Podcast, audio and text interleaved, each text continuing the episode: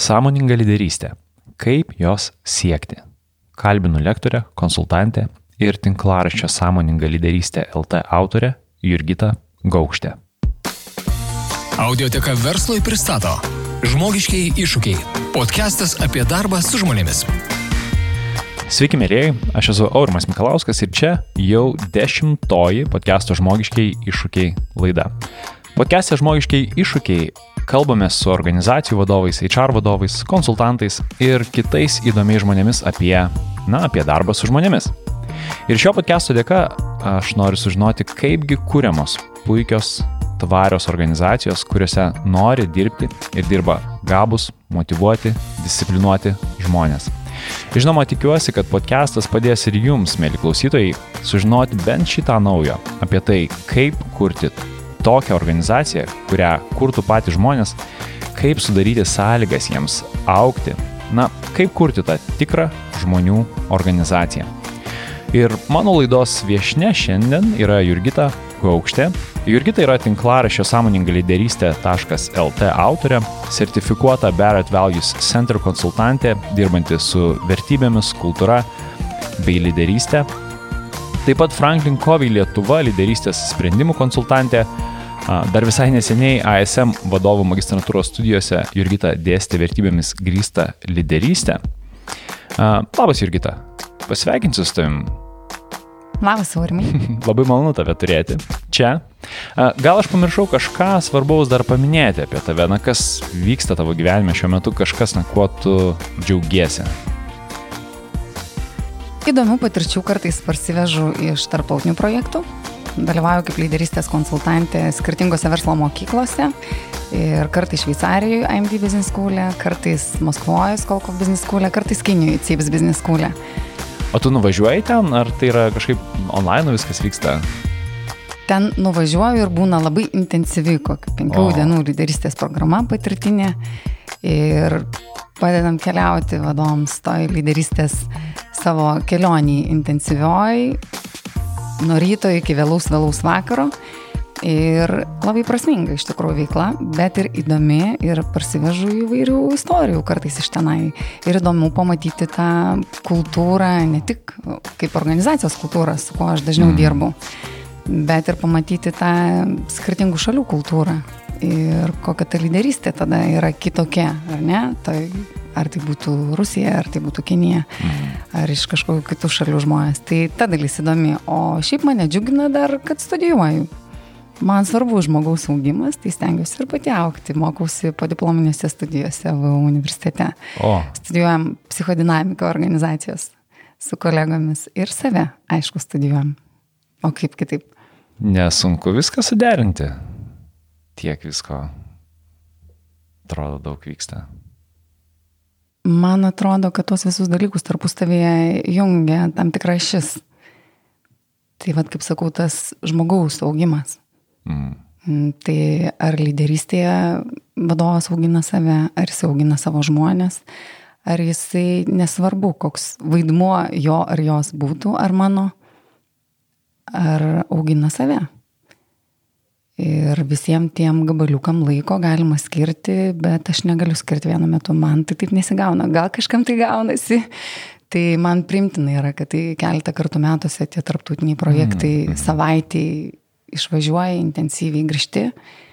Ir taip yra įmanoma, aš taip tarsi vadinu, kad išsikirpti iš tos savo kasdienybės tam tikrą gabalėlį tau svarbiam dalykui, susifokusuoti mhm. ir jame pabūti. Tai va, tos padiplominės studijos irgi taip yra pritaikytos, kad yra ten penki blokai per metus, kai ateini kažkokiam intensyviam periodui, pabūni tenai tarpuose, aišku, mokaisi, ten tarpuose susitinki, bet taip, kad nuolatos viską daryti vienu metu, man tai nepavyktų.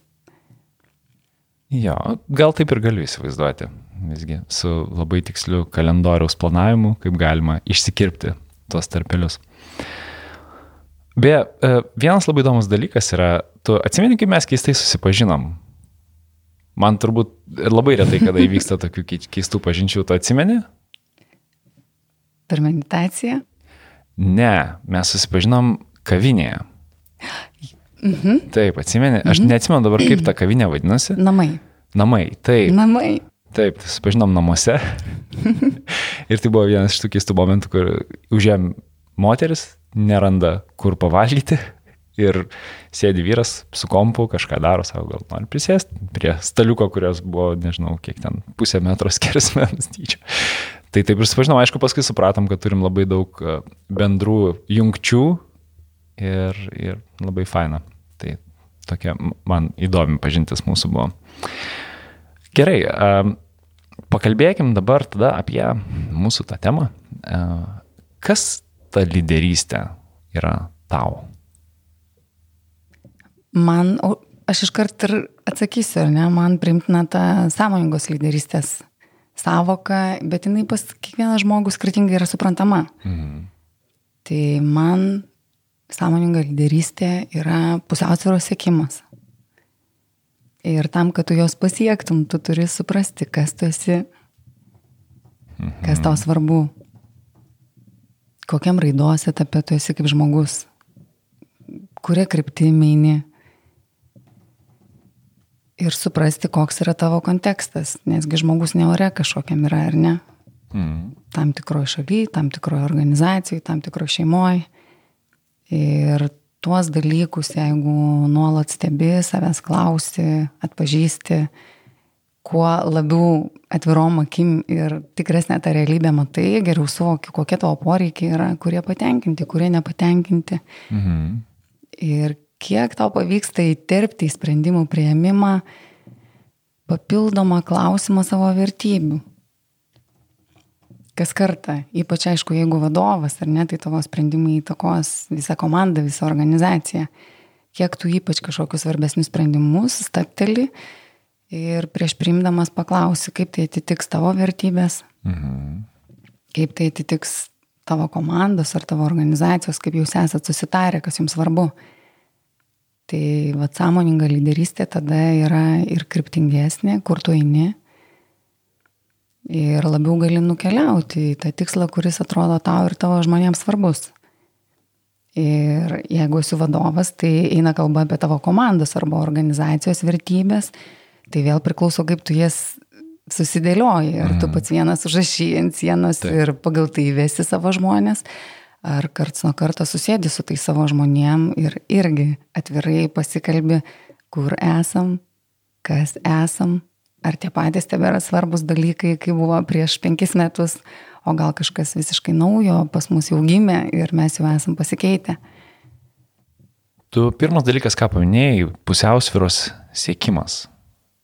Man taip, aš esu įvairių nuomonių girdėjęs apie, apie tą pusiausvyrą, balansą, harmoniją ir vieni savo, kad taip yra ta pusiausvyrą, na, ta harmonija mes ją galim pasiekti, kiti sako, kad tai yra nu, tas nuolatinis, nuolatinis procesas.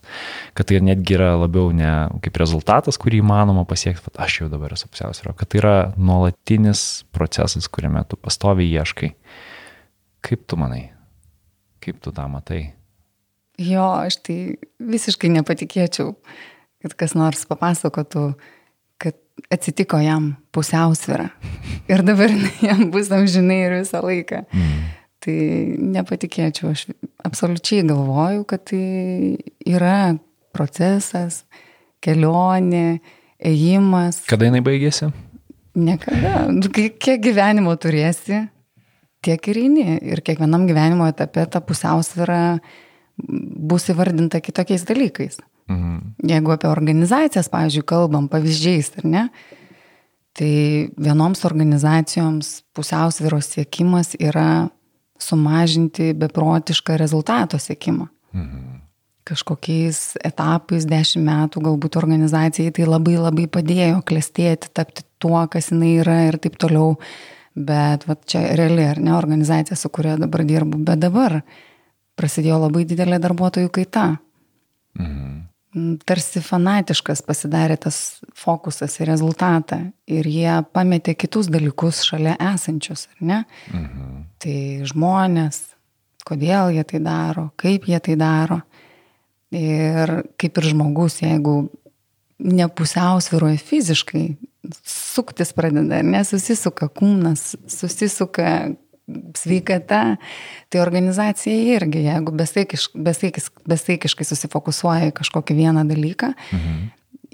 pradeda būti tarsi tokia iškreiptų veidrodžių karalystė, nebegera, nebėra tokio sveiko pojūčio, ar ne, ten būti, ne, nebelengva dirbti, nebesmagu. Tai čia vienas pavyzdys, bet lygiai tokį patį kitą pavyzdį mačiau su organizacija, kuri yra ne verslo organizacija, ar ne, daugiau iš e, valstybės struktūrų, mhm. kuri labai gerai fokusavosi į misiją. Stipriai dirbo ties kultūra, vertybėmis, santykiais, bet labai mažai ką bedarė ties rezultatu ties rodikliais, mhm. ties vadybiniais procesais visokiais. Vis tas pats. Tas pats. Tiesiog pusiausviros mhm. yra sumažėjimas, pradeda organizacijų kultūra duoti įvairius ženklus, kad negerai, kad serga, kad negera, žmonės pyksta, ar ne, žmonės yra jautrus, vieni kitiem pasidaro, kaltinimų daug atsiranda įvairių ir panašiai. Tai nesvarbu, į kurią pusę besaikis fokusas atsiranda, mm. tai yra tiesiog ženklas, kad sustojam, pasižiūrim, kur čia mes nukeliavom ir kokie tie mūsų sekantys žingsniai yra link didesnės pusiausvėros. Ir visiems skirtingas tas žingsnis bus. O nesunku įtikinti, pavyzdžiui, akcininkus, kad, nu, gal piškelį reikėtų apsiraminti su tais rezultatų siekimais ir čia kažkaip pat jau darbuotojai išeidinė. Ir nebūna tokių, nu, tai susiraskim darbuotojus, kurie yra labiau orientuoti į rezultatą. Tokio nebūna pasipriešinimo šitoje vietoje iš, iš būtent tų, kurie, kuriems, sakykime, ta finansinė graža yra didžiausia motivacija, dėl ko apskritai ta organizacija turėtų egzistuoti. Galbūt ką pastebiu tiesiog, kad mano tema nėra lengva organizacijoms. Mhm, aš vad kaip tik norėjau paklausti ir apie tai. Vertybių ir kultūros tema nėra lengva organizacijoms, bet rezultato jiem yra lengvesnė. Mhm.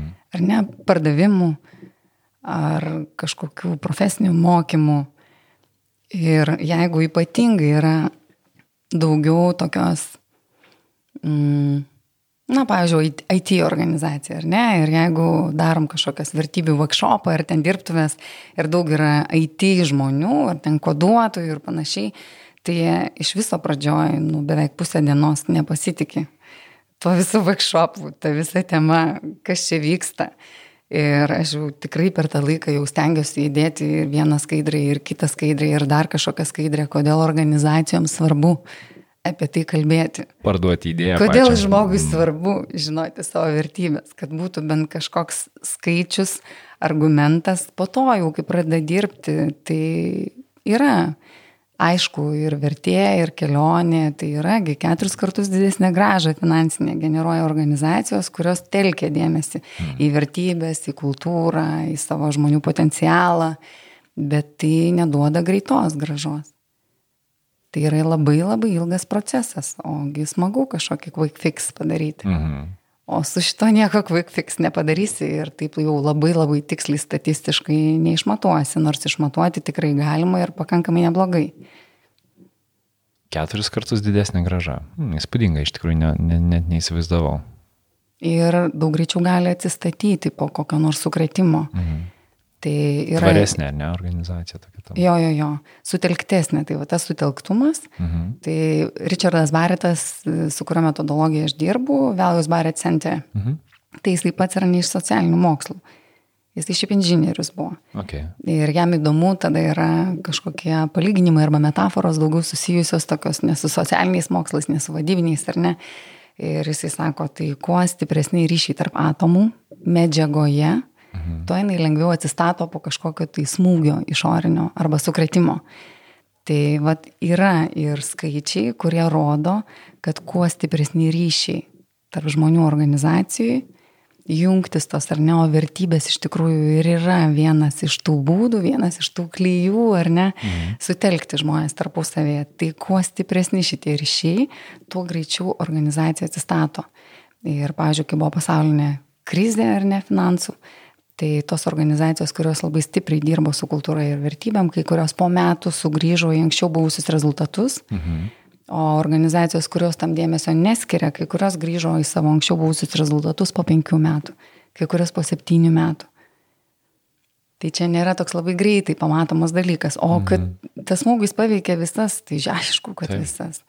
Ir tas, kurios turėjo puikius rezultatus, dar dramatiškiau, nes kuo aukštesni jie buvo, tuo daugiau jie krito tais metais, ar ne, kai krizė buvo. O sąmoninga lyderystė kaip tema negazdina Lietuvos įmonių, nežinau, įmonių organizacijų, gal nes tu minėjai, kad ne tik tai su, su, su pelno siekiančiam įmonėm dirbi. Tiesiog, ar tai yra tema, vat, nu, tavo pojūtis, kuri jau yra labai lengvai suprantama ir priimama, ar visgi yra dar toks kažkoks pasipriešinimas, nežinau, vidinis, kur įmonės, nu, jau tik dar taip nori, reikia parduoti tą pačią idėją sąmoningos lyderystės. Aš šiaip pagal savo charakterį moku pasakoti. Mhm. Tai man parduoti iš principo nėra labai sunku. Bet įdomu, kad dirbant vertybių ir kultūros konsultantę, man nereikia iš vis pardavinėti. Mhm.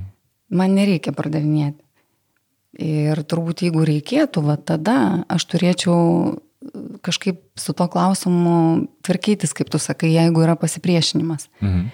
Tai aš daugiau einu tenai, kur yra poreikis ir atėjo tam laikas kalbėtis apie vertybės ir kultūrą. Tai tiesiog mane susiranda, parašo, paskambina ir susiranda net, net ne iš Lietuvos, net iš kokios Latvijos, iš dar kur nors. Ir mes pradedam kalbėtis ir prasideda procesas. Geras.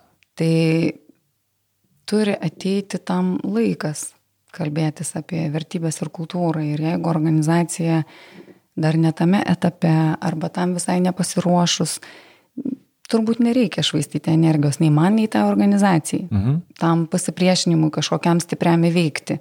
Jis matyt turi savo priežastį. Kaip žinoti, kad jau atėjo laikas? Mm, konsultavime mes, vienas iš būdų žiūrėti konsultavimą yra tarsi išskirti atskiras kryptis konsultavimo.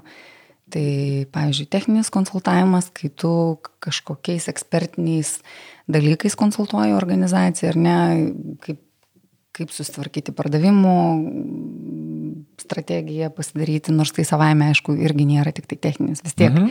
intervencija yra ir taip toliau, ar ten finansų klausimais, ar ten procesų kažkokiu klausimais, ar ne, bet jeigu puikiai parašyta strategija, niekaip neveikia realybėj. Mhm. Jeigu susitarti dalykai vienokie, bet realybėje vyksta kitokie. Okay. Jeigu tai, kas anksčiau puikiai pas tave veikia, nebeveikia, ar ne, tai jau yra ženklai, kad atėjo laikas sustoti ir pasižiūrėti į tai, kaip tie dalykai yra daromi. Tai vad kokia yra kultūra, kokios yra vertybės, kur pas mus galbūt yra toksiški kažkokie dalykai mūsų organizacijai, galbūt daug yra nuostabių, bet gal yra tokių mega rankinių stabdžių užtraukta, kad kaip mes ten fainai tos dalykas be padarysim, tie stabdžiai neleis mum pravažiuoti. Mhm. Tai va tada yra laikas taptelėti ir pasižiūrėti. Ir, sakykime, kai kreipiasi žmonės į asmenės konsultacijas, tai jiem irgi būna tas pats. Nebeveikia tai, kas man veikia anksčiau. Tarsi toks netitikimas tarp lūkesčių, ar ne, nu, mat, kaip turėtų būti ir kaip, ir matai, kad rezultatas visiškai netitinka, ar ne? Mhm, čia fainai tą tokį netitikimą tu paminėjai. Turbūt tas netitikimas tarp to, kas tu šią akimirką esi viduje mhm.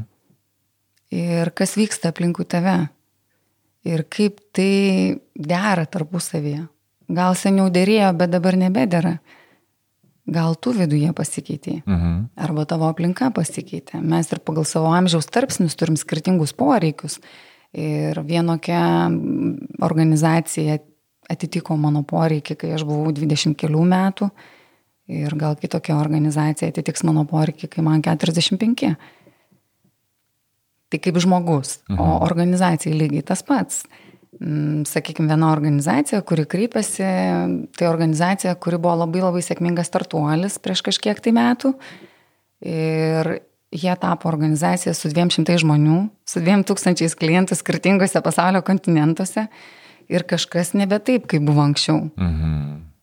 Hmm. Ir vertybės, kurias jie anksčiau buvo susitarę, jie jaučia, kad kažkas kito pasidarė svarbu. Ir yra daugiau kaip pusė žmonių, kurie niekaip neprisidėjo prie tų vertybių kūrimo, ar ne? Tai jie pasikvietė mane prafasilituoti dialogą, tyrimą atlikti ir toliau visų metų projektą su jais turėjom su organizacijos kultūra, su jų vertybėmis ir iš tikrųjų jos pasikeitė. Jeigu anksčiau vertybės buvo tokios lengvesnės, net kartais Barit Values centėmės kokį vadinam Screaming Baby Values, tai visokios fun, visokios mhm. creativity, visokios tokios lengvesnės, linksmesnės, taip kaip vat, mūsų vaikai, ką mėgsta daryti, ar ne? Aha. Tokios atsakomybės, mažiau tokio hardo, mažiau sugalvojai, išbandėjai, paeksperimentavai, numetėjai, kitą sugalvojai ir panašiai. O dabar yra daug klientų, kurių verslai priklauso nuo jų sprendimų, kurie jau tęsia, kur reikia sugebėti dalykus, tuos, ką sukūrėjai, ką paleidai į pasaulį, toliau tobulinti, vystyti, užtikrinti, kad jie būtų geri ir tokios hardcore tokio daugiau atsirado, ar ne? Mhm. Ir jie kalbėdamiesi įsivardino tada, kad pas juos nebe kūrybingumas turi būti vertybė, bet evoliucija. Tai saugoti ir tą, ką tu sukūrei, bet nuolant tai atnaujinti, žmonėm patiems tobulėti, organizacijai pačiai tobulėti, ar ne? Ir daug tokių visokių dalykų jie ten per tą dialogą išsikalbėjo ir paskui darėm įvairias dirbtuves su darbuotojais skirtingose šalise. Ir buvo darbuotojų, kuriem netiko mhm. tos naujos sunkesnės vertybės. Ir jie sako, ne, aš noriu toliau žaisti. Ir išeina į kokį kitą startuolį, kad galėtų tenai žaisti. toliau žaisti. Mhm. Ir ateina tada kiti žmonės, kuriem kaip tik tinka kurie nori toliau vystyti, prižiūrėti, nepamesti, mm, rūpintis ar ne. Tai ir nieko tokio, ir viskas tvarkoja. Ir buvo žmonių, kurie labai pyko, kad pasikeitė vertybės. Tai kiekvienas, kas vertybių dirbtuvės ar, ar kažkokį seminarą vesdavo, susidurdavo su to pykščiu pradžioj. Mm. Kodėl jūs keičiat, kas buvo mūsų. Mhm. Kaip jūs taip galite, ar ne, nors patys, sakykime, darbuotojai tyrimė dalyvavo, išsakė savo visi, visi, ar ne, išsakė tai, kas jiems svarbu, kaip jie mano, kokiam vertybėm organizacija turi gyventi, tai smagu labai, kad ne vadovai kažkokie ant sienos užrašė dalyką vien tik savo sugalvotą. Tai vad įdomus buvo vienas pokalbis su darbuotoja viena, kuri pyko, kurios anksčiau buvusios vertybės organizacijos buvo jos asmeninės vertybės. Mhm. Ir jinai tikrai drasi buvo pradžioje backšopo. Pasakė viską, ką galvoja ir kad pyksta ir kodėl pyksta ir taip toliau. O pabaigoje backšopo pasakė, kad, žinot, aš sako, vieną dalyką įdomų supratau, kad tos vertybės man yra svarbios, bet jeigu aš noriu toliau aukti kaip žmogus ir vystytis, mano pačios nuostabai tos naujos mūsų organizacijos vertybės yra man labai pakeliui. Mm. Nes kitaip aš galbūt liksiu ten, kur ir buvau. Tai čia vienas iš, ar ne, tokių siekiamų rezultatų, kodėl verta tada su žmonėm kalbėtis apie tas vertybės, apie jų asmeninės, apie organizacijos, kad jie praleistų laiko su to klausimu ir nurastų laiko susijungti su tom organizacijos vertybėm ir savo suprastų ir organizacijos. Kaip tam mažajam princė, ar ne, kol kas tu manėsi tik tai lapė. Mm. Ar ten kol kas tu man tik tai berniukas, bet kai aš su tavim pasikalbėsiu, praleisiu daugiau laiko, prisijaukinsiu, suprasiu prasme viso to, galbūt pasidarysi tada man svarbus arba svarbi. Čia labai aišku įdomus momentas yra, nes tai iš, iš dalies truputėlį romantiškai skamba, bet, žinai, tas momentas, kurį tu paminėjai, kad vat, moteris suprato, kad taip, jinai nori iš tikrųjų gyventi pagal tas naujas vertybės. Bet aš spėju, kad realybėje tai reiškia, kad jos laukia labai sunkus kelias. Nes jeigu tai nėra tai, kuriomis vertybėmis jinai šiuo metu gyvena, tai, tai nėra, na, bet, kad užsimanė ir vertybės ten. Kitą dieną tu jau gyveni pagal kitas vertybės. Tai aš įsivaizduoju, kad tas facilitatorius to vietoje jo labai svarbi rolė tampa padėti tam žmogui per mėnesius, metus iš tikrųjų susigyventi, pradėti gyventi pagal tas naujas vertybės. E, bet aš teisingai sakau, ar ne? Tai, Kad tai nėra procesas, kuris žaibiškai vyksta. Bet žinai, aš pagalvoju, mes truputėlį gal užbėgom įvykiams už akių, mes jau pradėjom kalbėti apie vertybės. Prieš tai nepakalbėjo, kas yra per dalykas tos vertybės ir kodėl jos tokios svarbios. Gal tu galėtum papasakot, kaip tu papasakoji apie tai, na, kas yra vertybė, kas yra asmeninės vertybės, kas yra organizacijos vertybės ir kodėl taip svarbu yra na, suprasti jas. Pagal šitą metodo, metodologiją yra daug yra, ar ne, požiūrių į vertybės. Mhm. Man atrodo, nelabai svarbu, kurį tu rinksiesi. Svarbu rinktis tą, kuris atliepia, atliepia tavo gyvenimo procesą, kuriame esi, tavo organizacijos ar ne kažkokį procesą, kuriam tu esi. Iš principo vertybės yra tarsi ašis. Žmogui tarsi stuburas. Mhm. Žemiai tarsi jos ašis, kaip ten viskas aplinkui besisuktų, kokie ciklai bebūtų, vis tiek išlieka kažkokia ašis, apie ką tai vis, visa tai sukasi. Mhm. Tai daro tave tavimi, autentišku. Ar tu žmogus, ar tu organizacija. Ir pagal šitą metodologiją vertybė yra tai, kas tau svarbu. Mhm. Ir tai, kas tau svarbu, kuo tu gyveni. O ne tai, kas tau svarbu, ką tu sakai, kas mhm. tau svarbu. Okay. Tai elgesiu, ar ne, ką galim tavo sprendimais, ką galime patikrinti, ar tu iš tiesų tuo gyveni žmogus arba organizacija, kas, apie mhm. ką be kalbėtumėm. Ir man šitą metodologiją, kas patiko, Man patiko, kad vertybė nebūtinai yra kažkoksai rožinis, pukuotas, zefyrinis dalykas, žinai, toksai mhm. kreminis kažkoksai. Taip, taip, taip. Sažiningumas. Tai va, sažiningumas, pasitikėjimas, mhm. bendradarbiavimas, draugystė, šeima, ar ne, tai čia tos vertybės, kurios sujungia žmonės tarpusavėje. Ir jos pagal šitą metodologiją yra vadinamos pozityvios vertybės. Mhm. Bet jeigu mes elgiamės kitaip, žeminam vieni kitus, manipuliuojam, mm, kaltinam, galbūt statom kažkokius biurokratinius mechanizmus. Jeigu mes tai darom, vadinasi, tai yra mūsų vertybė. Mhm. Ir pagal šitą metodologiją jinai yra galimai ribojanti vertybė. Jinai atskiria tave nuo kitų žmonių. Nes pagal galimai ribojančią vertybę mes gyvename tada, kai mūsų veda baime. Mhm. Baimė, kad nebūsiu pakankamai geras, tai taukštelsiu per galvą kitam, į tą akimirką pasijusiu geresniu. Mhm. Baimė, kad nesukontroliuosiu ir kažkas baisaus atsitiks, neišgyvensiu, ar ne? Tai galbūt tada reikia mega mikromanagementą daryti. Ir žmonės labai labai gerai skanuoja tuos dalykus.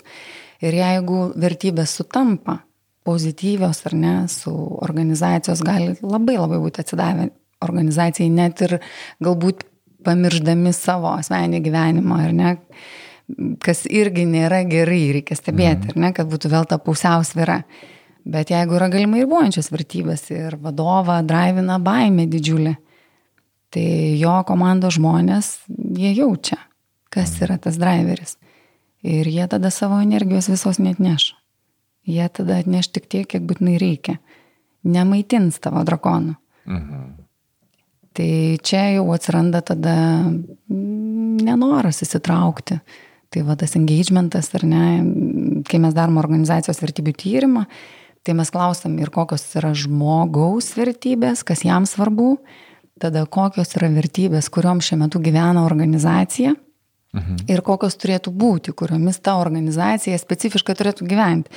Vienaip statybos organizacijos gyvena, kitaip valstybinės agentūros gyvena, dalis dalykų yra bendrų, kažkoksai verslo ar ne organizacijos, ar tai būtų kokia logistika, ar tai būtų IT, visur yra savo specifika, ar finansai. Mhm. Tai yra netgi industrijų raportai, kur galima matyti, kurios vertybės ten labiau išriškėja, kurios jiems svarbios.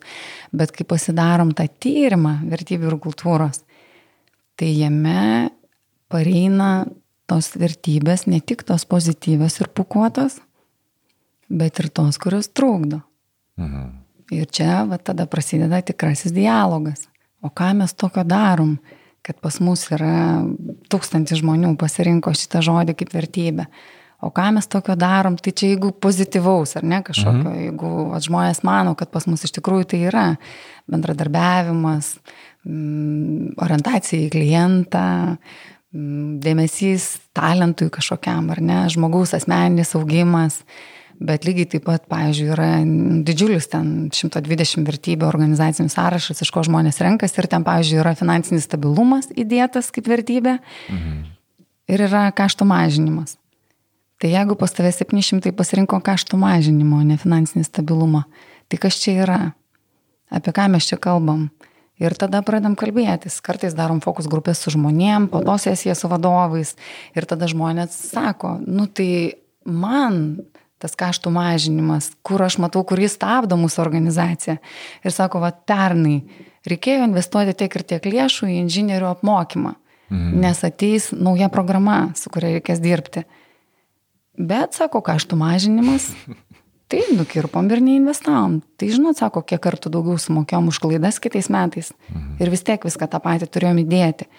Tai kartais vadovo komanda kaip ir tokius bendrinius priima sprendimus, kurie bus pritaikyti visai organizacijai ir tam konkrečiam mažam kontekste vienam ar kitam nepajaučia, kaip tai pasireiškia ir kur tai stabdo. Tai vad mes po to dirbtuvėse įvairiuose traukiam lauk, kur čia iš tikrųjų tos galimai ribojančios vertybės yra, kurios stabdo, nes tu tada turi dirbti ne tik su to, kas tau svarbu ir tai auginti kaip sodė, ar ne, mhm. bet ir ravėti tą sodą, prižiūrėti, kad ten netrukdytų aukti tiem fainiem dalykam tie rankiniai stabdžiai. Kad ir kaip sunku bebūtų, nes tai yra tos nematomos pikdžalės, žinai, pikdžalės tai bent jau matosi. o ar sunku yra išsiaiškinti tas vertybės? Tas, vat, nes man tyrimas labai baisiai skamba. Ar tai yra sudėtingas procesas išsigryninti ir ar jis yra tikslus? Tai čia turbūt ta kita yra mm, dalis darbo su kultūra ir vertybėmis. Mhm kad tai nėra tikslu. Mhm. Tai nėra tikslu. Žmogus nėra tikslus. Santykis žmog, žmonių nėra tikslus. Ir nėra dar stabilus ir pastovus. Kaip vyksta dalykai, nėra tikslu. Tai mhm. dažnai medžio metafora naudojama organizacijos kultūrai ir yra ta medžio virš žemės esanti dalis, kuri gali būti tiksli. Mes galime ateiti turbūt ir net suskaičiuoti lapelius, kirminėlius, mhm. išmatuoti fiziškai ir taip toliau. Kiek mes galim būti tikslus apie medžio šaknis?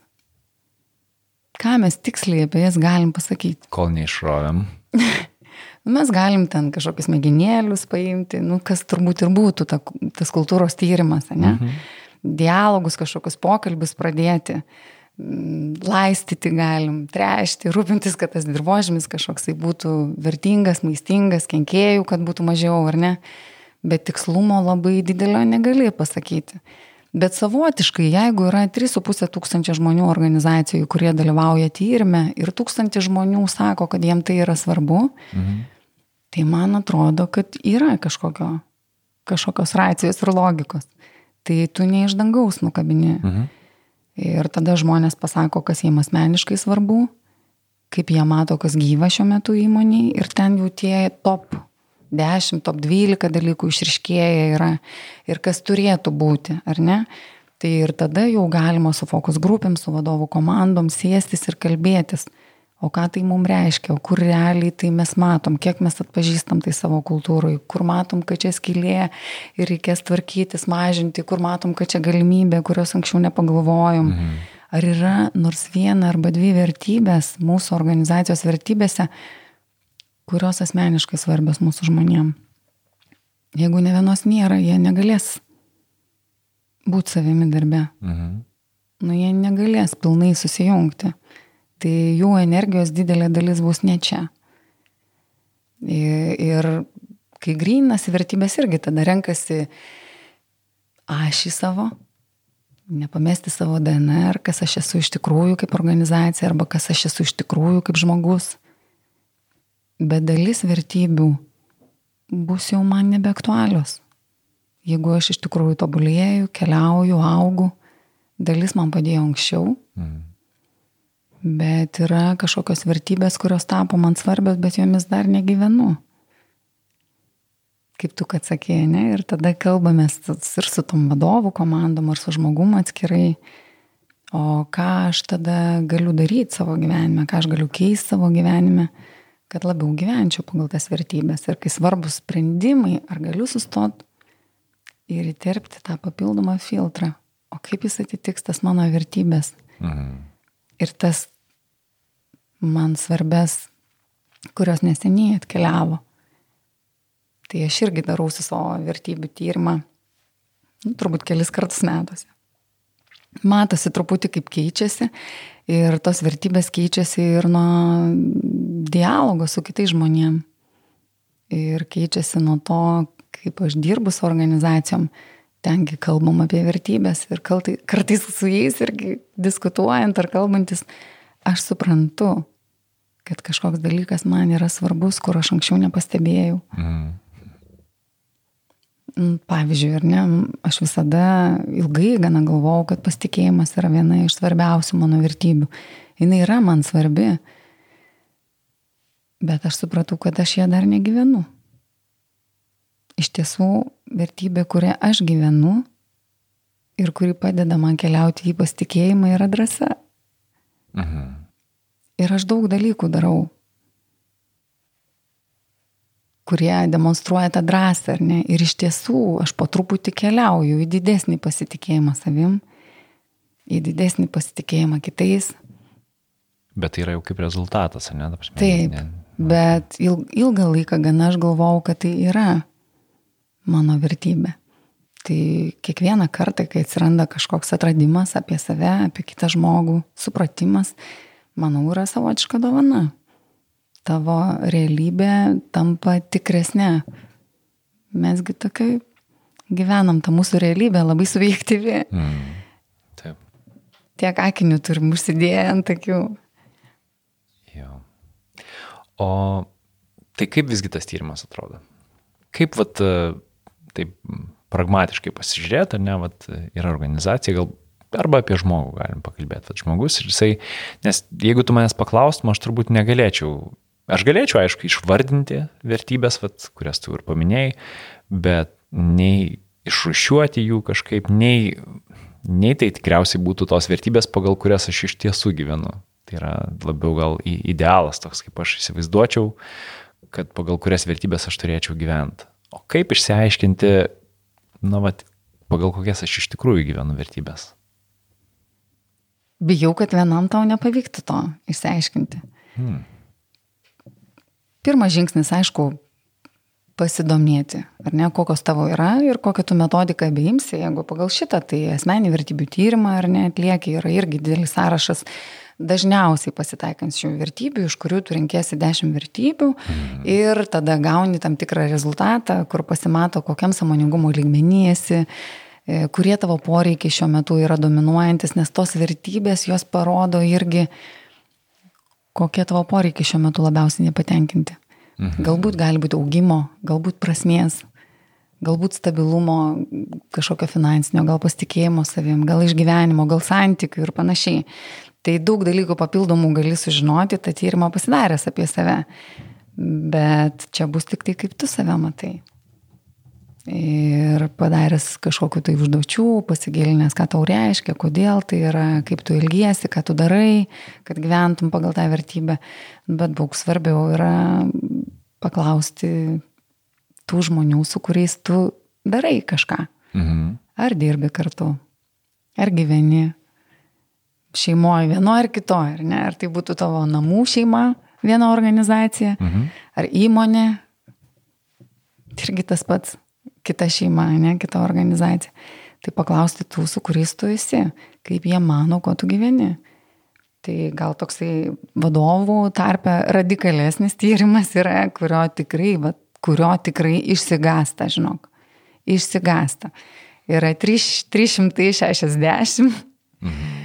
Leadership assessment, ar ne, lyderystės vertinimas per vertybės, kur, pavyzdžiui, 15 žmonių apie vadovą parašo, kaip jie mano, kokios jo vertybės yra pagal tai, kaip jisai dirba organizacijoje ir kaip priiminėja sprendimus. ir kaip jie mano, kokios jo turėtų būti, kad jisai atskleistų savo potencialą kaip lyderis labiau. Mhm. Ir jisai apie save supildo, kaip jis mano, kokios jo yra kaip lyderio ar ne, ir kokios galėtų būti, kad jis atskleistų savo potencialą. Tai pakankamai baisu yra sužinoti, kaip tave kiti mato. Ir tada pasižiūrėti, ar tai yra kažkiek tai atitikimo tarp to, kaip tu save matai ir kiti. Nu, ir tos vietos, kur daug netitikimo, nors truputį sumažinęs tą atskirtį, tą tokią prarąją ar ne, jau priartėsi prie pusiausviros. Ok. Aš tikiu, kad tai yra dažna situacija, kai yra labai didžiulis netitikimas tarp to, kaip žmogus na, pamato save, tiksliau, kaip jis mato save. Ir vat, po to, sakykime, 360, kaip jį mato kiti. Kaip tada mažinti vat, tą atitrukimą, tą distanciją. Ne? Kaip realiai vyksta darbas su vertybėm, kai tu matai, kad tos vertybės, net tu pats pamatai, kad iš tikrųjų vertybės, kurias tu, na, galbūt deklaruoji ir pagal kurias realiai gyveni, yra didžiulis netitikimas. Kas tada? Jeigu tau tai svarbu, kad tas atitikimas būtų.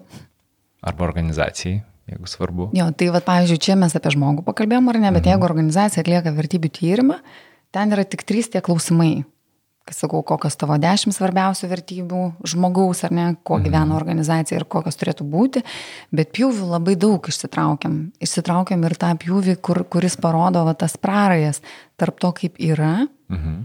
Ir kaip žmonės galvoja, kad turėtų būti, kad ta organizacija atskleistų savo potencialą. Tai tos vietos, kur didžiausia praraja, tas mhm. gepas vadinamasis, Tai tos vietos yra, kur tu labai greit gali kažką pagerinti, bet ką toj srity padaręs, kad ta praraja būtų mažesnė.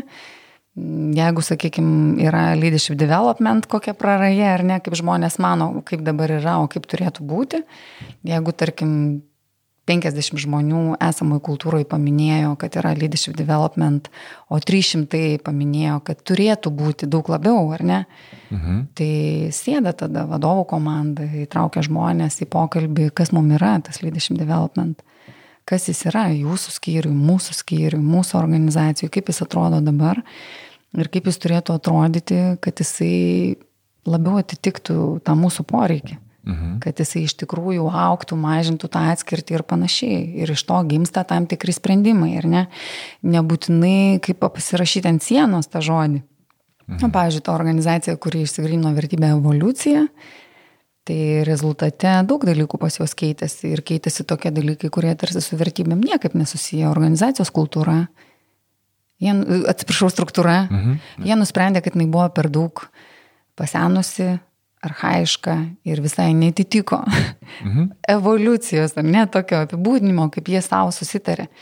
Ir metų bėgėje jie padarė tą pokytį, ar ne? Tada toliau diskutuodami jie sako, tai nėra pas mus evoliucijos, evoliucijos su tom sistemom, kurias mes kūrėm, su kuriuom mes dirbam iš tikrųjų. Jeigu mes negaudysim naujų trendų ir kažkokių bent tam tikrų dalykų, nepritaikysim pat save, net naujinsim. Mhm. Tai metų bėgėje pas juos atsirado Research and Development padalinys nedidelis su jiems dedikuotu biudžetu. Geras su dalykais, kuriuos gali, jie gali testuoti, išbandinėti ir tuos, kurie jau veikia, pritaikyti ir paleisti pas save. Tai čia taip nėra, kad ta organizacijos kultūra yra arba vertybės kažkoks atskiras dalykas, mhm. gyvenantis ten savo gyvenimą, įmonė eina savo, o jis eina savo. Tai to tobulas yra variantas, kai iš tiesų tai integruojasi į visą sistemą, nes ta įmonė yra tam tikra ekosistema tarpusavėje susijusių žmonių, santykių, techninių sistemų, mhm. kurios tenai veikia ir kaip tarpusavėje visą tai saveikauja. Vienas iš dalykų dar ką paminėjai, e, kad jeigu, sakykime, yra tos, nežinau, ar galima sakyti, neigiamos vertybės, bet, žodžiu, kurios parodo, kad yra tam tikri poreikiai nepatenkinti. Ne? Dažna tikriausiai situacija. Tai ne vieno dar nebuvo kultūros tyrimo, kur nebūtų ne vienos ribojančios vertybės. Mhm. Ir čia poreikiai, čia kalba eina apie asmeninius poreikius žmonių, kurie dirba, ar būtent ar būna ir kad organizacijos kažkokie poreikiai. Kaip... Pavyzdžiui, sakykime, paskutinius kartus kelis, ar ne, matyta galimai ribojanti vertybė buvo trumpalaikis požiūris. Mhm. Kuo gyvena organizacija. Mhm, okay. Ir tai stabdo. Ar tu kažkaip trumpalaikiškai pasižiūrėsi į problemos sprendimą ir išspręsi ją taip, kad jinai šią savaitę veiks, bet Shortcut. iš tikrųjų, kas bus po trijų mm. metų, tai dzin. Okay. Ir tą gali ir žmogus organizacijai padaryti, tą gali ir vadovai organizacijai padaryti. Ir reikia irgi samoningumo, priimant sprendimus, nepasiduoti tam norui quick fix. Jeigu kelių metų bėgyje, tai duos kaip tik priešingą rezultatą. O tai kokį, pavyzdžiui, galimai nepatenkintą poreikį rodo, jeigu vat, organizacijai yra taip jau ne, tokia disfunkcija, ne, kad visi ieško greitų sprendimų? Nu, vienas iš populiariausių, m, mm, populiarus gana, galimai ribojanti vertybė vadovų, tarkim, tarpe, yra noras patikti. Mhm padaryti įspūdį. Padaryti įspūdį ir už to stovi tiesiog savivertės poreikis. Mhm. Paprastas. Ir jeigu, sakykime, mažesniam brandos etape, tai tas savivertės poreikis yra tenkinamas iš išorės, ar ne, kažkokiais pripažinimais, mhm. rezultatais, įvaizdžio dalykais, reputacijos dalykais, nu, galimai ribojančių būdų, tai va tais norais, žinai, quick fix padaryti, įspūdį padaryti, sužavėti kažkokiam susirinkime savo iškalbą ir išėjus po to niekam neaišku, ką toliau daryti, ar ne? O su branda vadovo einant, tai ir iš vidaus ateina tas savivertės suvokimas kad nieko baisaus, kad neturiu visų atsakymų. Mm. Su komanda pasikalbėsim ir atrasim kažkaip. Nieko baisaus, kad nepavyko vieną kartą. Pasižiūrėsim, kokias pamokas iš ten galim išmokti. Ir eisim toliau. Ir nieko baisaus man pabūti vienam. Ir pareflektuoti, ką mes kaip komanda darom, ką jau per tą laiką išmokom, kur nuėjom, kur toliau darysim ar ne. Tai tokia, jinai su vidum yra susijusi, tik iš vidaus ateina, tada iš išorės nepavykę kažkokie dalykai taip lengvai neišmuštos savivertės. Mhm. Nes savivertė yra susijusi su tokiu paprastu, kad aš, kad aš paprastu dalyku, kad aš esu kažko vertas. Mhm. Kaip žmogus, tam tikram vaidmenį, pavyzdžiui, vadovo, finansų direktoriaus, marketingo vadovo, tėvo vaidmenį, mamos vaidmenį, ne kažkoks visagalis, netobulas, ne wow, o tiesiog vertas. Ir tada truputį lengviau pasidaro. Bet žinai, man tai atrodo, kad tik tą akimirką, nes tai yra toks tikrai e, visuomenės lyga, bet aš, aš sakau tai ir aš suprantu, kad lygiai taip pat aš pats ją sergu. Ir vėlgi tokių neseniai priminė man kaip tik, ką Sheryl Sandberg, e, Facebook'o Chief Operating Officer, kur sakė, aš irgi dirbu, na, vadovauju visai Facebook organizacijai ir galvoje sukasi mintis, kada jie supras, kad jie pasamdė netinkamą žmogų. Kad, nu, vat, aš, aš nesu verta iš tikrųjų būti čia, kur aš esu. Ir supranti, kiek tai yra rimta, tai man įdomu, kaip pavyksta visgi, ar, ar pavyksta ilgalaikiškai iš tikrųjų išspręsti va, šitą klausimą ir kaip dirbti, nes tai yra turbūt vienas svarbiausia, va, kaip ką tu ir paminėjai, turbūt, kad visose organizacijose šita problema iškyla ir pas kiekvieną žmogų asmeniškai. Dėl to mes keliam nuotraukas į Facebooką, žiūrim vis kiek ten tų laikų surinkom, kiek žmonės pakomentavo, visur va, yra tas savivertės ieškojimas. Nu, čia Čia yra trys pamatiniai žmogaus poreikiai. Pagrindiniai. Vienas - išgyventi, mhm. turėti santykius gerus, priklausyti kažkokiai bendruomeniai, ar šeimai, ar grupiai, ar ne. Taip. Ir turėti savivertę pakankamą, kad aš jausčiausi, okei, okay, mhm. vertas kažko gyventi, daryti, besistengintis. nuoširdžiai, ar ne, mm. tą daryti, kame esu. Čia yra trys pamatiniai patys svarbiausi žmonių poreikiai. Ir jie visą laiką yra, priklausomai nuo to, kiek mums yra pavykę susitvarkyti savo baimėm, kurias mes visi absoliučiai turim, ir aš, ir tu.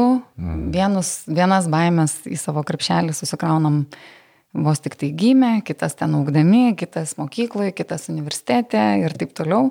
Tai mes tų baimių krepšelį turim didelį.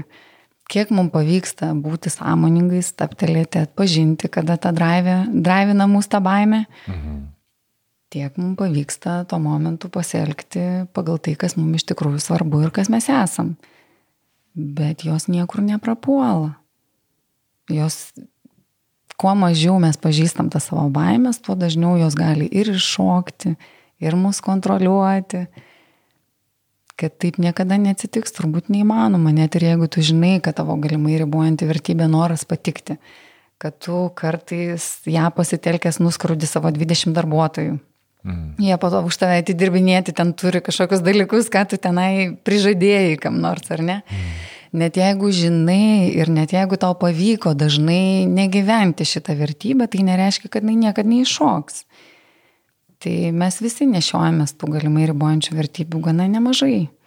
Tai būtų turbūt naivu tikėtis, kad yra žmogus kažkur tobulas, kuris tokių neturi. Tai aš kaip sakau, jeigu tobulas, tai jau turbūt miręs.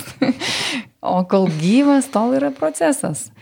Stebėti save, kaip gyvenu, kaip kuriamintis priimu sprendimus ir kiek įmanoma dažniau priimti juos remintis vertybėm, to, kas tau svarbu, tuo, kaip tu žiūri į kitą žmogų, kokią tu nori poveikį jam padaryti, kokią pėdsaką nori palikti. Tai čia toksai siekis, kaip ir su ta pusiausvėra procesas. Nuolatinis procesas. Mhm. Kalbam visgi apie samoningą lyderystę ir tu jau kelis kartus vat, apie tai pasakodamom paminėjai būti sąmoningu, sąmoningu ką tu atradai, kas padeda išlaikyti tą samoningumą? Turbūt populiariausias, klasikinis dalykas, visur pasitaikantis, pauzės dalykas. Mhm. Priklausomai nuo to, kokio svarbumo yra tas sprendimas, kurį reikia priimti ir kiek mes emociškai susijaudinę reaguoti į tą situaciją kokią nors. Tai emociškai susijaudinę, aš turiu omeny susierzinę, susinervinę, supykę, išsidraskę, bet emociškai susijaudinę gali būti ir wow. Mhm. Kažkokia mega mhm. susižavėjime ar ten kam nors, kam panašaus kažkame, ne? Mhm. Tai bet kuris iš šitų rodo, kad groja kažkokia nuostata praeities. Mhm. Ir tu gali priimti sprendimą visai netokį, kokį priimtum ramioje būsenoje. Tai tiek tuo, tiek tuo atveju verta daryti pauzę. Ir verta palaukti, kol nuslūks tos emocijos, verta įterpti, kaip pagal savo vertybės aš čia pasielgčiau, verta paklausti kito žmogaus, kaip jisai mato tą situaciją. Mhm. Nes jisai neturi tos praeities, kurią turiu aš, Ir jeigu tam žmogui jinai neatrodo tokia sunki, kaip man atrodo, arba neatrodo tokia wow, kaip man atrodo, tai jau aš galiu kažkaip tą realybę truputėlį pamatyti realesnę, ne tik per savo prizmę. Mhm. Tai jau čia galima kažką tokio padaryti, ar ne, prasmingesnio, samoningesnio ir tokio, dėl ko mažiau reikės gailėtis ateityje. Bet ta pauzė, tai čia gali būti ir meditacija, ir pasivaikščiojimas, ir atsiskyrimas kažkoks ilgesniam laikui. Mhm. Gali būti puikiausiai gamta. Tai lygiai ta pati meditacija yra. Pabuvimas su savim, įsiklausimas į savo vidų. Tai aišku, idealu, jeigu jau esam tokiam lygmenį, kad galim girdėti iš vidaus ateinantį kažkokį sprendimą kaip ir mes tam kalbėjom, vat, kai tu nusprendai pradėti daryti šitos podcastus, ar ne? Mhm. Kai ateina vidinis aiškumas, kai tu pasiruoši iš vidaus, kodėl tu tai darysi, kodėl tau tai svarbu, tavo kontekstas pasidaro tau aiškus ir jau kai tau būna toksai vidinis aiškumas, tada labai labai greitai, pincetiškai gali padaryti dalykus, ar ne? Mhm. Tai čia jau su tokiu vidinė intuicija, vidiniu įsiklausimu ateina tas, tas dalykas. Jeigu turim žiauriai daug baimių, tai jos garsiai rėkia labai. beveik neįmanoma tada to savo vidinio balso išgirsti. Tai kažkokios tokios tylos tam tikros reikia, kad išgirstum. Kas tau pasiteisino? Ar tu miksuoji, ar turi kažkokią rutiną? Mat, kad e, rytais aš pamedituoju, arba rytais, arba vakarais aš išeinu pasivaikščioti. Ar tai yra situaciniai dalykai, kad vat, aš jaučiuosi per daug susijaudinusi emociškai kažkaip į vieną ar į kitą pusę ir tada man reikia padaryti pauzę, ar visgi stengiasi įnešti tam tikrą rutiną, kad tai taptų proces, nu, kad nuolat įeitum į tą pauzę, išlaikytum.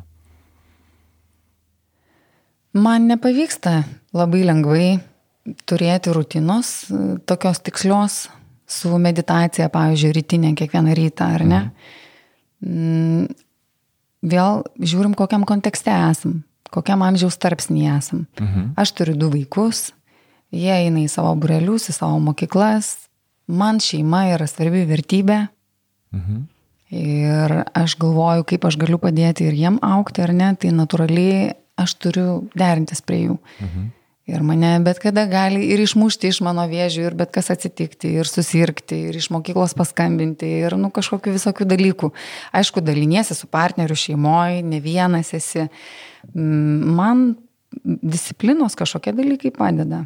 Aš einu sportuoti, Mhm. Stengiuosi laikyti tam tikrą ritmą, kad ten porą kartų per savaitę eičiau.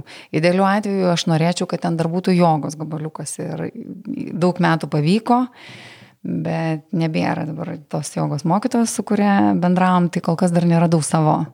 Ieškau, ar ne, kur, mhm. kur norėčiau. Jeigu nėra mokyklos vaikų, Tai vasara, tai pavyzdžiui, man tada labai geras ritmas yra ryte padaryti kvepavimo praktiką, trumpą meditaciją ir saulės pasveikinimą. Mhm. Ir jau, vat, pavyzdžiui, šita dalis, jeigu pavyksta disciplinuotai kiekvieną rytą padaryti ir po to dar, sakykime, porą kartų į sportą nueiti, ar ne, jau man duoda tokios pusiausvėros. Sportas duoda fizinės tokios, mhm. meditacija tokios dvasinės, mentalinės ar ne, kažkokios pusiausvėros, tie dalykai veikia. Jeigu yra emocinga kažkokia būsena, tai einu turbūt.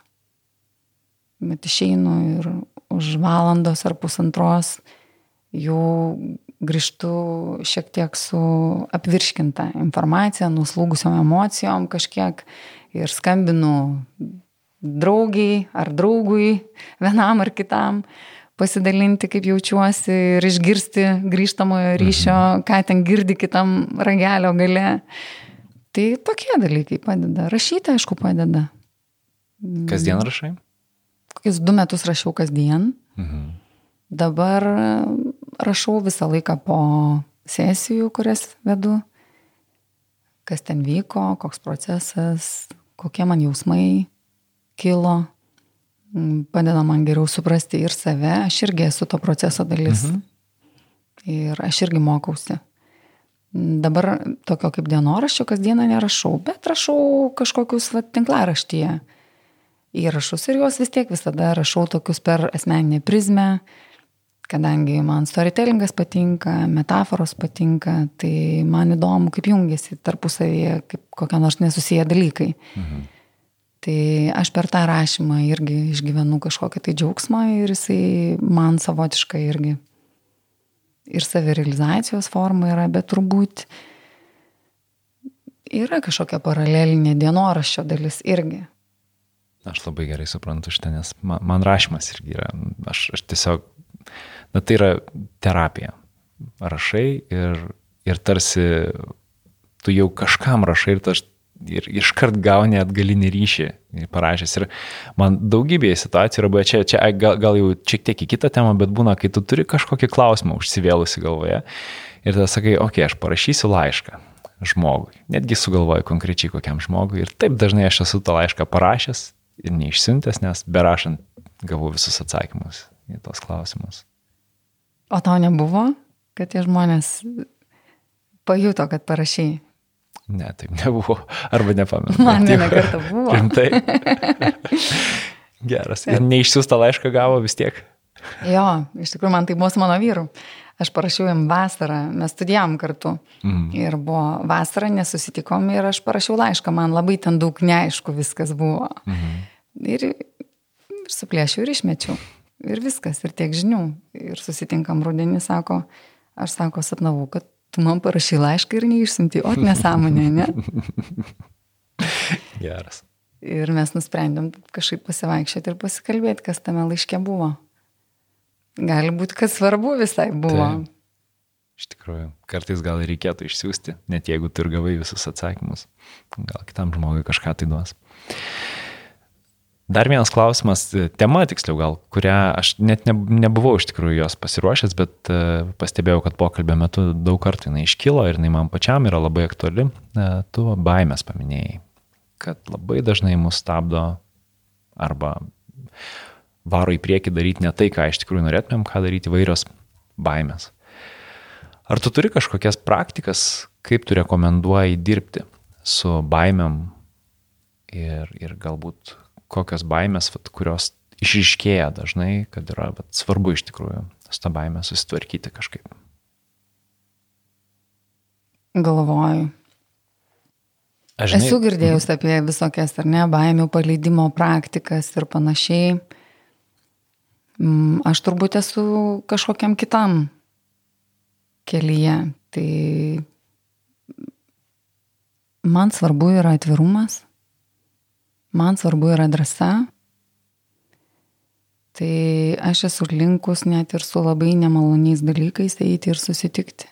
Mhm. Ir jeigu aš kažko bijau, tai aš tengiuosi suprasti, kas ten yra, ko aš bijau. Ir net jeigu labai labai bijau, pasitelkti savo asmeninę vertybę, drąsą. Mhm. Jeigu yra vidinis žinojimas, kad tai bus gerai man, dalyviams, ten procesui, kurį aš fasilituoju, kad tai bus win-win ar ne, kad tai bus geras poveikis, geras rezultatas, tai aš tą vidinį žinojimą turiu, bet šalia kartais būna ir turiu labai labai didelę baimę tai daryti. Mhm ar nebūnu dariusi, ar nesu pakankamai daug kartų išbandžiusi ir nežinau, ar tobulai pavyks, ar ten dar kokiu nors.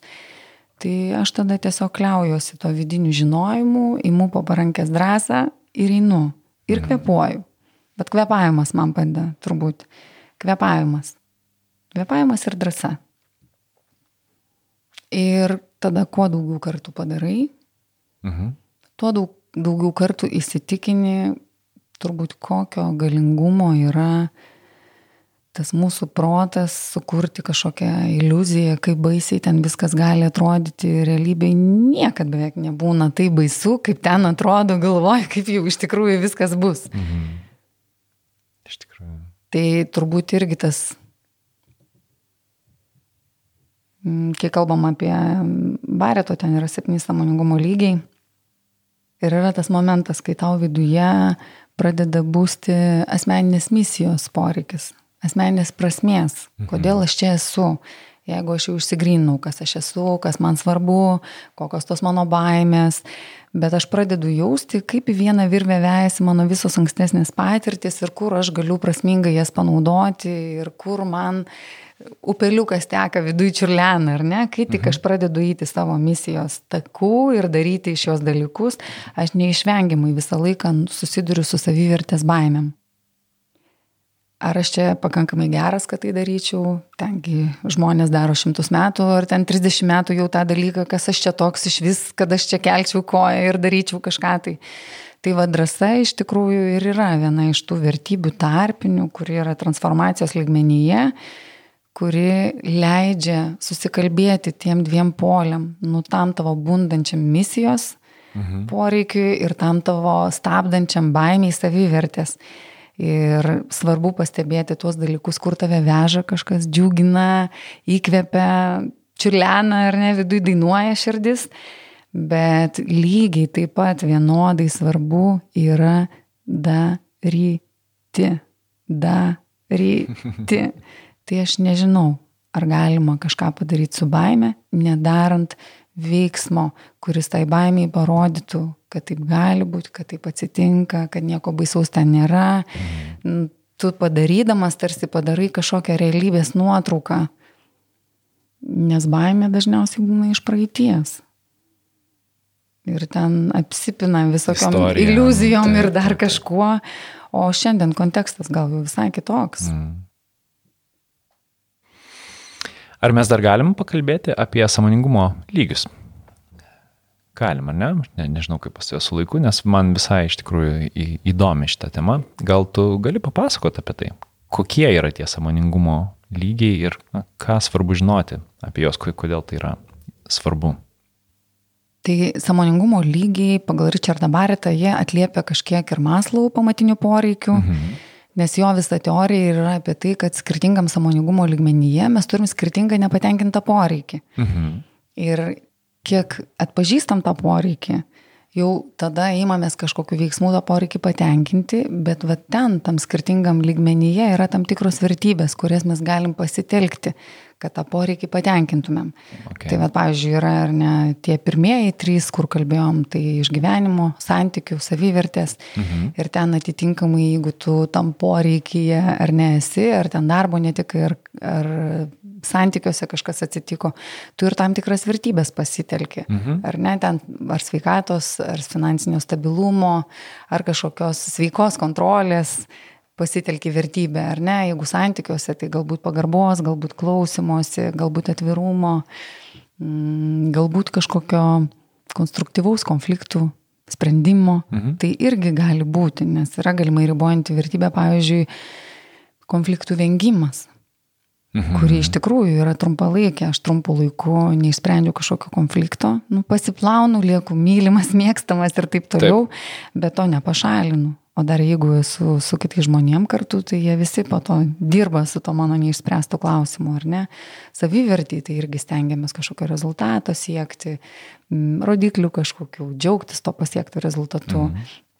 Bet toliau jau eina ketvirtas, penktas, šeštas, septintas, pagal baritą lygmenis transform, yra transformacijos lygmuo, kai pasidaro svarbu, kas aš esu, pirmi trys lygmenys labiau užtikrina, kad aš stabiliai veikčiau pasaulyje. Mhm. Ir ten daug tenka tvarkyti su savo ankstesniem baimėm. Jeigu pavyksta su jom susidraugauti, jau tada atsiranda erdvės ir vietos klausti, kas aš esu ir tas vatligmo paprastai būna jau vyresniam amžiui, ne 35-40 metų, kada tie klausimai pradeda ateiti, okay. kai nebėra svarbu vien tik rezultatą pasiekti, bet svarbu ir išsiaiškinti, kaip tai atliepia, kas, aš, kas esu aš nu, kokia mano ta vidinė šis, tai va tada ateina poreikis į vertybės pasigilinti, tada dažnai pradeda žmonės medituoti, eiti į retritus, eiti į piligriminės keliones ir taip toliau, kad susitiktų su savim, tiesiog, ar ne, inventorizuotų viską, kas buvo. Ten, kas buvo, dažnai būna mūsų kultūrinės vertybės įdėktos mums iš ten tėvų, senelių, mokytojų ir taip toliau, taip toliau. Tai tu iškeliavęs į tą kelionę su savim, ar fizinė, ar tiesiog skirdamas tam laiko, gali kažkiek atsirušiuoti, kas tavo, kas ne tavo. Ir ką tu toliau nori neštis, kas tau svarbu. Ir toliau jau po transformacijos lygmens eina asmenės misijos lygmuo, ar ne, tai kodėl aš čia. Tai ką darant mano širdis dega. Mhm kur aš galiu daugiau prasmingai nuveikti, panaudodamas savo kažkokius įgimtus talentus, įgytus dalykus, kur labiau tos mano vertybės galėtų atsiliepti, kur tie žmonės yra, su kuriais galiu tai padaryti, ar mano darbe, ar kažkur kaip hobija tą galėsiu padaryti, ar ne, o būna organizacijose pavyzdžiui, žmogus, kuris su pardavimais kažkokiais dirba, bet jaučia labai didelę įstrą žmogaus auginimui. Mhm. Tai su personalu susitarė, kokiuose procesuose karts nuo karto įsitraukia. Kartais naujokų įvedimo mokymuose, ar ten būdamas mentoris kažkokių naujų žmonių, ar dar ko nors. Vis tiek visur aplinkui mus yra kažkur tas kontekstas, kur mes galim laistyti tą savo misijos dalyką ir auginti. Kai kam jis yra aiškus nuo 20 metų, kai kam jis tai pabunda 40-50, o gal ir net nesusimastai apie tai, gal gyveni kultūroje ar šalyje, kurioje tik apie išgyvenimą gali galvoti. Mhm. Nu, ir reiškia, tavo toksai bus kelias.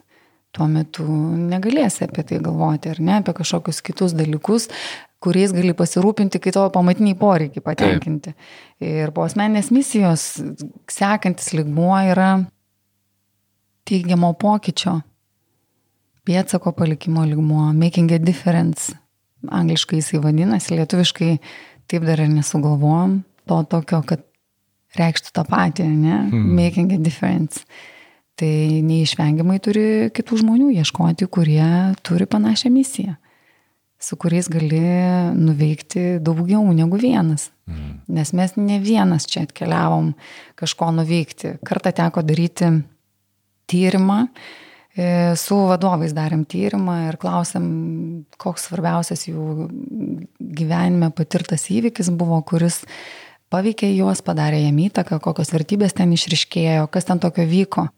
Tai beveik visi svarbiausi įvykiai paminėti buvo įvykiai, kuriuose žmogus buvo su kitais žmonėmis. Ar tie kiti žmonės padėjo, ar jie kartu keliavo su kitais žmonėmis per kažkokią kitą procesą ar ne, bet vis tiek mes esam social creature. Taip ir mes esam su kitais žmonėm. Tai ir pėtsaka didžiausia šitam pasaulyje galime palikti savo, savo aktualioj srity su kitais žmonėm.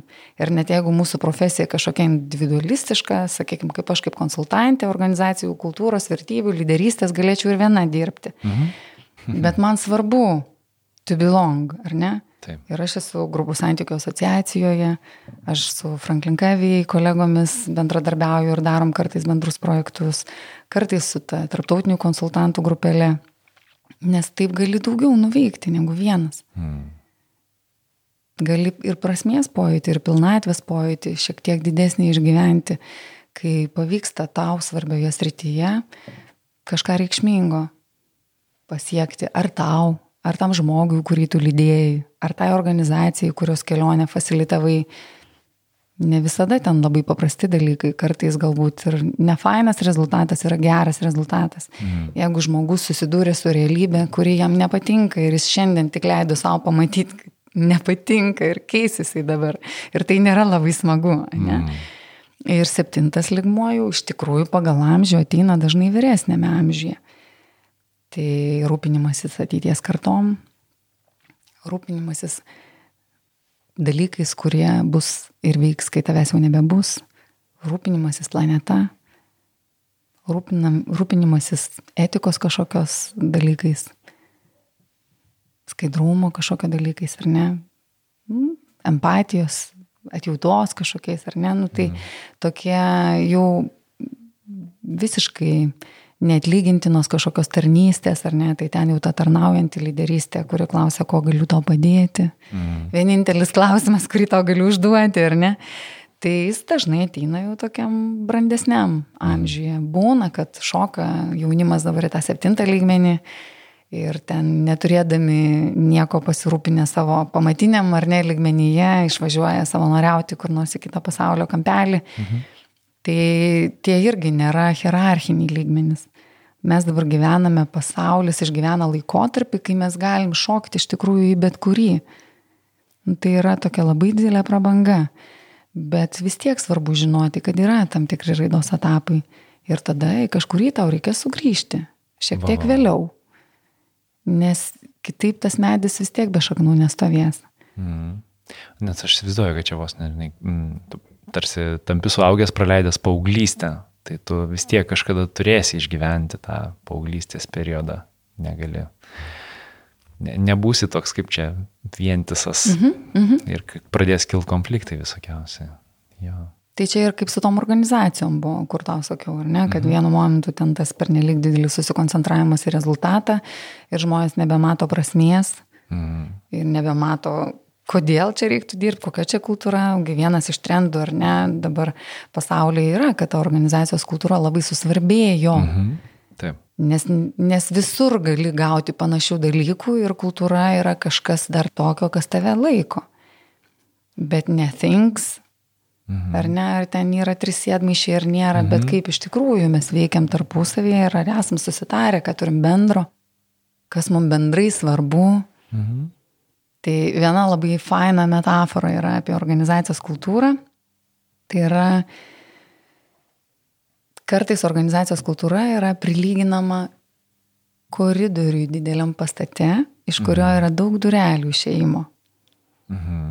Ir kiekvienam kambarėlėje gyvena atskiras žmogus. Viename galbūt musulmonas meldžiasi, kitame galbūt chemikas įsirengia savo laboratoriją, tyrimus daro, kitame galbūt rašytojas kažką rašo, kitame sėdė Ūrimas daro podcastą, dar kitame galbūt tiesiog žaidžia, ar ne, žmogus kažkokį žaidimą kompiuterinį, ar nesvarbu, kas jam tam būtų svarbu.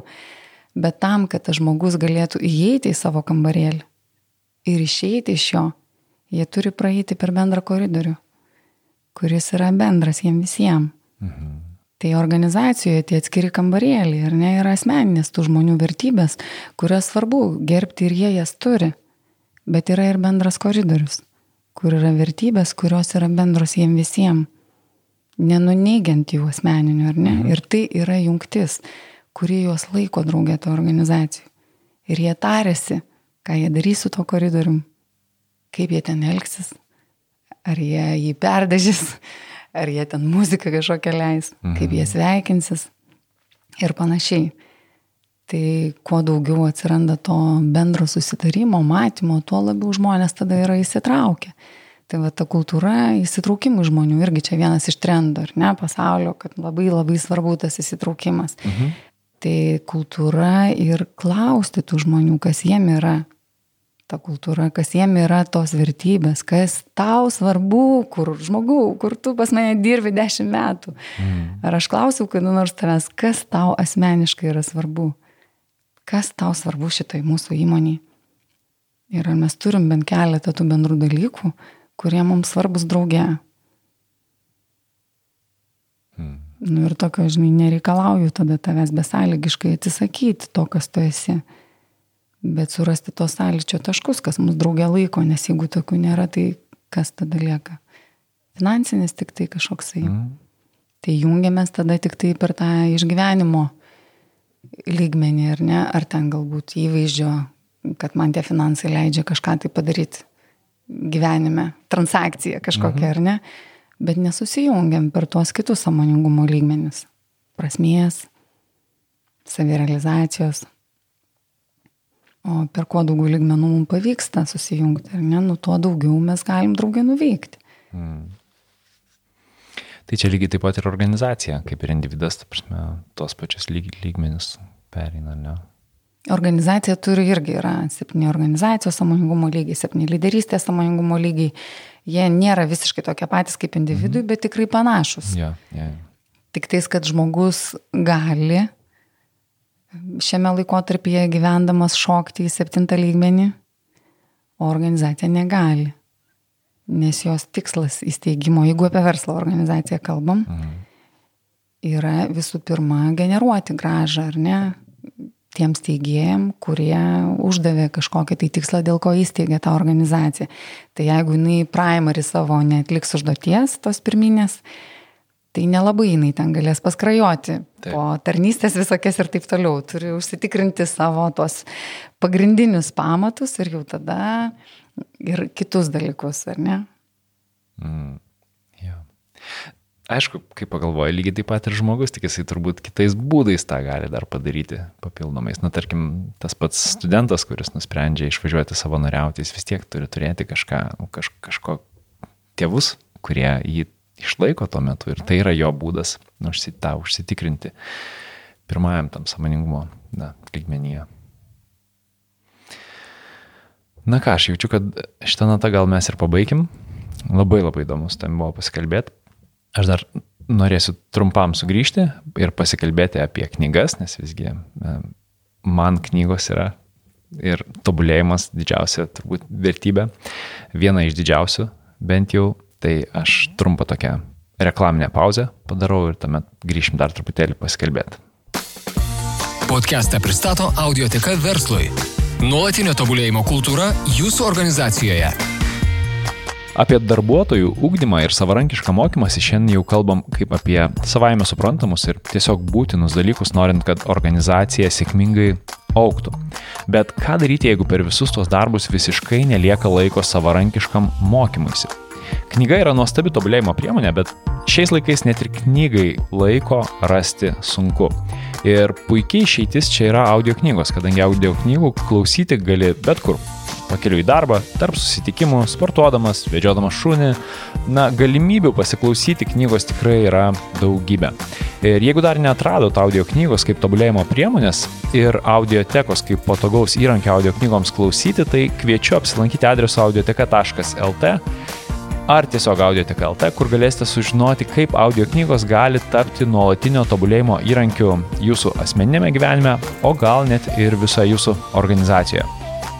Ir Kadangi šiandien mūsų tema yra samoningumas, sąmoninga lyderystė, tai uh, ir aišku, tai yra didelė dalim ir asmeninė, uh, asmeninis samoningumas, asmeninė lyderystė, tai noriu parekomenduoti audio knygą, kurioje apie samoningumą kalbama labai daug. Ir tai būtų Eckhart Tolės audio knyga Naujoji Žemė kurioje, na, pasaulyje tikrai labai plačiai žinomas dvasinis mokytojas Ekartolė pasakoja apie tai, kaip įveikti ego valdomos sąmonės ribas. Tai pasiklausykit, tikrai nuostabi knyga, labai labai gražiai įgarsinta knyga.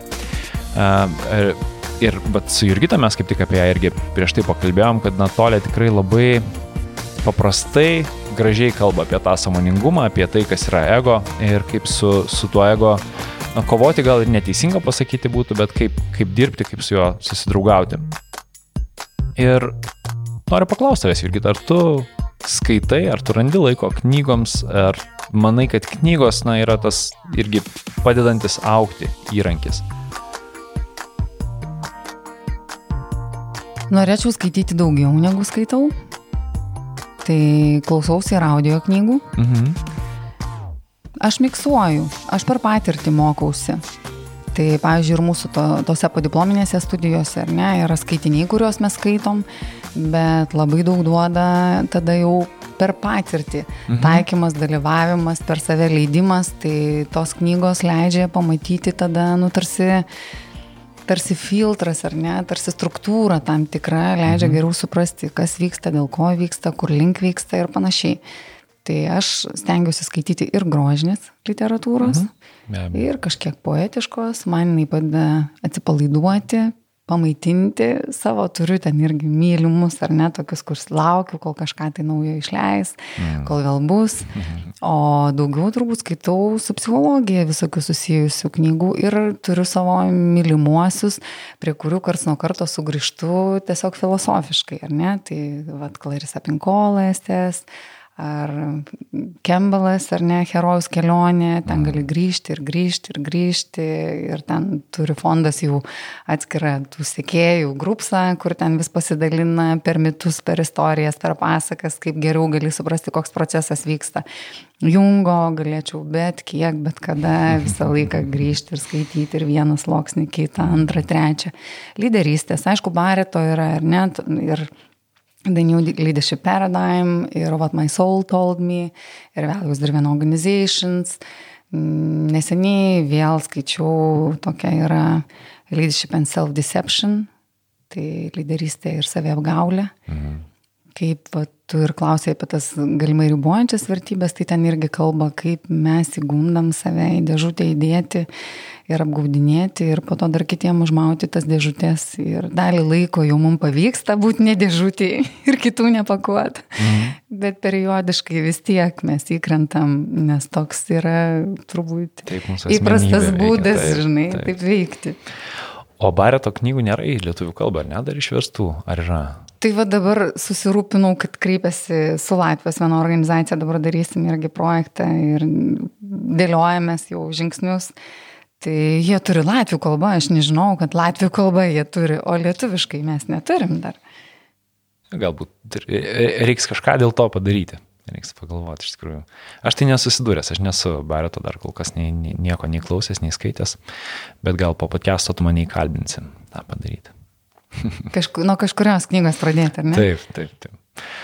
Gerai, ačiū labai tau Jurgita tikrai buvo nuostabus pokalbis. Aš tiek daug išgirdau, tiek daug, vat, man labai, labai su tavim kažkaip buvo lengva kalbėti ir, ir gavau tikrai daug atsakymų į klausimus, kuriuo aš taip ir neuždaviau ir net neturėjau pasiruošęs, bet vat, tiesiog taip įdomu buvo.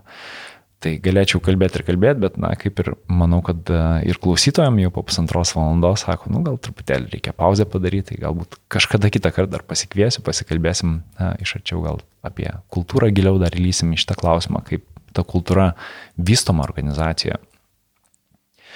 Ačiū visiems klausytojams, ačiū labai, kad klausėt. Kviečiu visus prisijungti prie žmogiški iššūkiai grupės Facebook'e arba LinkedIn'e, kur sužinot galite apie naujausius epizodus ir padiskutuoti apie tai, ką mes čia kalbėjom, kelti klausimus, į kuriuos galbūt paskui kartu kažkaip rasim atsakymus. O su jumis buvo mūsų laidos viešne Jurgita Gaukštė ir aš, laidos vedėjas Aurimas Mikalauskas, atsisveikinu jau ir iki greito. Jūs klausite podcast'o Žmogiškiai iššūkiai. Kad nepraleistumėte naujų epizodų, kviečiame prenumeruoti laidos naujienlaiškį adresu žmogiškiai.lt. Podcast'ą prenumeruoti taip pat galite per Apple Podcast, Google Podcast, Spotify, Stitcher ir kitose platformose. Laidos partneris Audioteka verslui. Nuolatinio tobulėjimo kultūra jūsų organizacijoje. www.audiotekaverslui.lt